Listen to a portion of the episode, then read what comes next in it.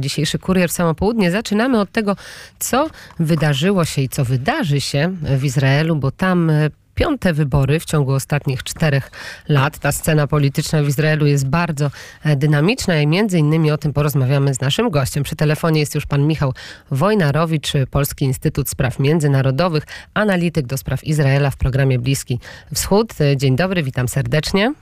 Dzień dobry, pani redaktor. No to powiedzmy, 62% to są te wstępne wyniki exit poll dla prawicowej koalicji Benjamina Netanyahu.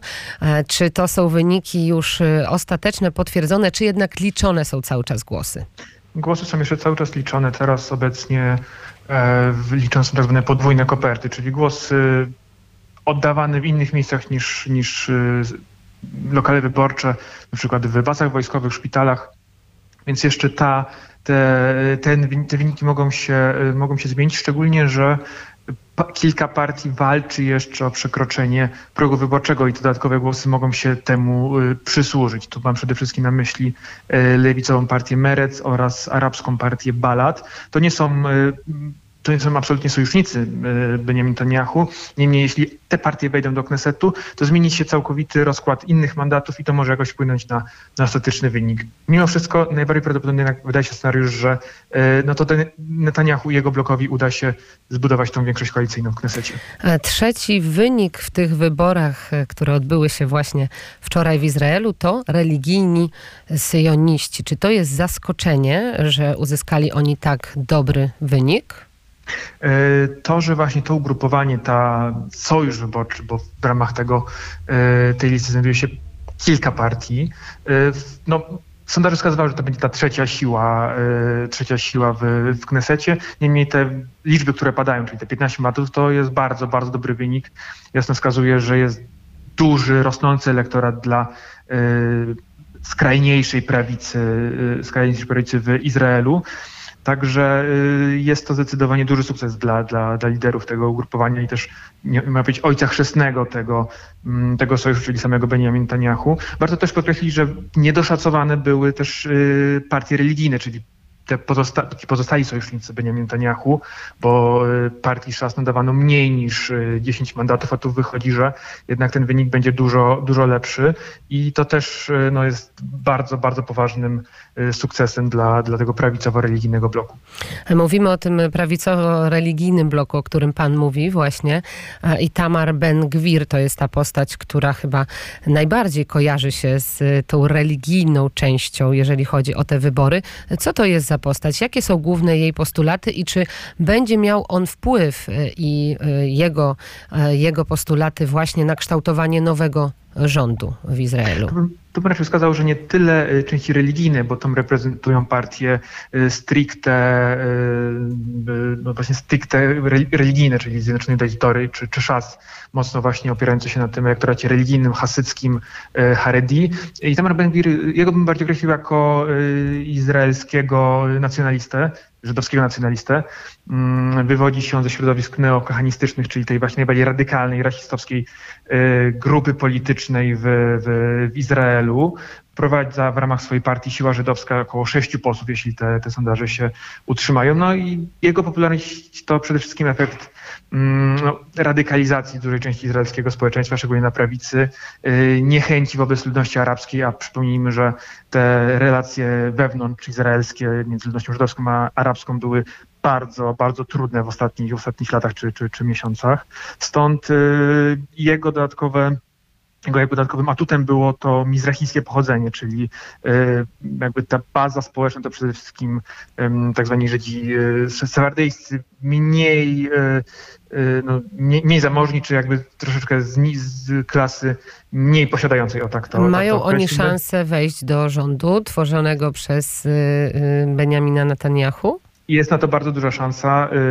Itamar Ben-Gwir głośno domagał się między innymi stanowiska ministra odpowiedzialnego za bezpieczeństwo publiczne, więc y, no, wszystko wskazuje, że to będą jego y, z strony naturalni sojusznicy, z drugiej strony no, też pojawiają się głosy, że by tych najbardziej radykalnych sił reprezentowanych przez Ben-Gwira nie dopuścić, Netanyahu może wyciągnąć rękę do, y, do części no, y, obozu rządowego, do paru, y, do paru par, partii centroprawicy, które, y, które no, do tej pory wykluczały współpracę z nim, ale w imię niedopuszczenia tych skrajnych sił mogą rozważać wejście do koalicji, ale wydaje mi się, że biorąc pod uwagę ile energii, ile jak deklaracji politycznych poszło za wzmocnieniem właśnie tego skrajnego skrzydła izraelskiej sceny partyjnej ze strony Netanyahu, to raczej właśnie mm, Itamar Ben-Gvir, Bezalel Smotrich i, inni liderzy tego obozu będą bardziej pożądanymi y, kandydatami. Po prostu oni gwarantują wprowadzenie takich ustaw, które będą korzystne z punktu widzenia Benjamin Netanyahu. E, powiedział pan o tych właśnie radykalnych nastrojach, wręcz o tych nastrojach nacjonalistycznych czy rasistowskich. Jak więc zareagowała Palestyna? Jaka była reakcja Palestyńczyków na, na te wyniki wyborów, te wstępne wyniki wyborów? E, z jednej strony można wskazać, że e, była dość spora e, mobilizacja po, po stronie po stronie lektu arabskiego. Ponoć te głosy były dość tam jeszcze liczone, ale, ale sporo wskazuje na to, że no, spora, była, spore, spore, spora była mobilizacja właśnie na, na, rzecz, na rzecz wejścia partii arabskich. Sporo też jednak było no, takiej trochę ambiwalencji, tak, bo dla ludności arabskiej trochę nie, głos pewien się takie, że nie ma różnicy, tak, czy rządzi centroprawica, czy prawica, czy nawet y, jakiś udział lewicy, bo ich los się nie zmienia, tak, ich sytuacja się nie poprawia w ramach Izraela, stąd y, no, często ma to efekt y, po prostu wierności wyborczej tak naprawdę.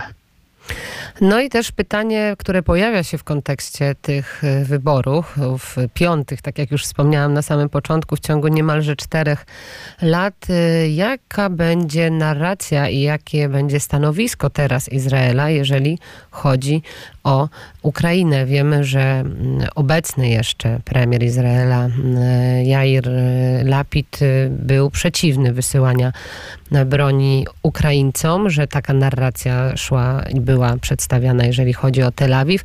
E, czy Benjamin Netanyahu może zmienić tę retorykę? Czy jednak są jakieś szanse właśnie, że Ukraina może dostać e, pomoc z Izraela? Netanyahu o samym konflikcie rosyjsko-ukraińskim wypowiadał się w trakcie, e, no, w początku jego wybuchu dość niewiele i bardzo też e, asekuracyjnie. Owszem, padły wypowiedzi, że być może rozważy dostawy broni na, na Ukrainę, ale warto zaznaczyć, że no, ten polityk ma długą e, karierę wypowiedzi przedwyborczych, z których jakby nic później się nie, nie realizowało, plus no, też to były komunikaty raczej skierowane dla, dla zachodnich odbiorców, mm, więc tu byłbym raczej sceptyczny wobec jakiegoś większego, otwartego wsparcia przynajmniej ze strony, ze strony Netanyahu, no ale sporo się jakby rozwiąże, sporo będzie pokazane już jak faktycznie e, Netanyahu obejmie, obejmie rządy, bo łatwo było krytykować e, ław opozycyjnych, ale jednak już e, jakby podejście do, do tematu z perspektywy premierostwa i decyzji i też uwzględnienia dyplomatycznej presji, która, pod którą jest Izrael, no to być może będą tu jakieś, e, tu jakieś zmiany w polityce zagranicznej. Możemy powiedzieć, że obecny premier e, Jair Lapid jest wielkim przegranym tych wyborów? E, z jednej strony nie udało mu się skonsolidować swojego bloku sojuszników powyborczych, więc, więc owszem, z drugiej strony jego partia zanotowała bardzo duży wzrost, wzrost poparcia. Przebiła tą barierę 20 mandatów, wokół, pod którą zazwyczaj się ta, ta partia miała swój wynik wyborczy, więc no, będzie na pewno dysponował silnym blokiem politycznym, silną partią w ramach obecnego Knesetu, no ale skoro nie udało mu się jakby sklecić mm, koalicji, czy nawet doprowadzić tak, żeby, nie, żeby te wybory nie skończyły się, nie, swojej, żeby te wybory zakończyły się jednak niekonkluzywnie, co pozwolił zostać jako premier, jako premier rządu tymczasowego, no to jednak faktycznie można go zaliczyć do tej strony przegranej. I na koniec y, pytanie, które na pewno wszystkich interesuje. Kiedy ukonstytuuje się nowy rząd? Kiedy możemy się spodziewać już właśnie powołania nowych ministrów, nowego rządu?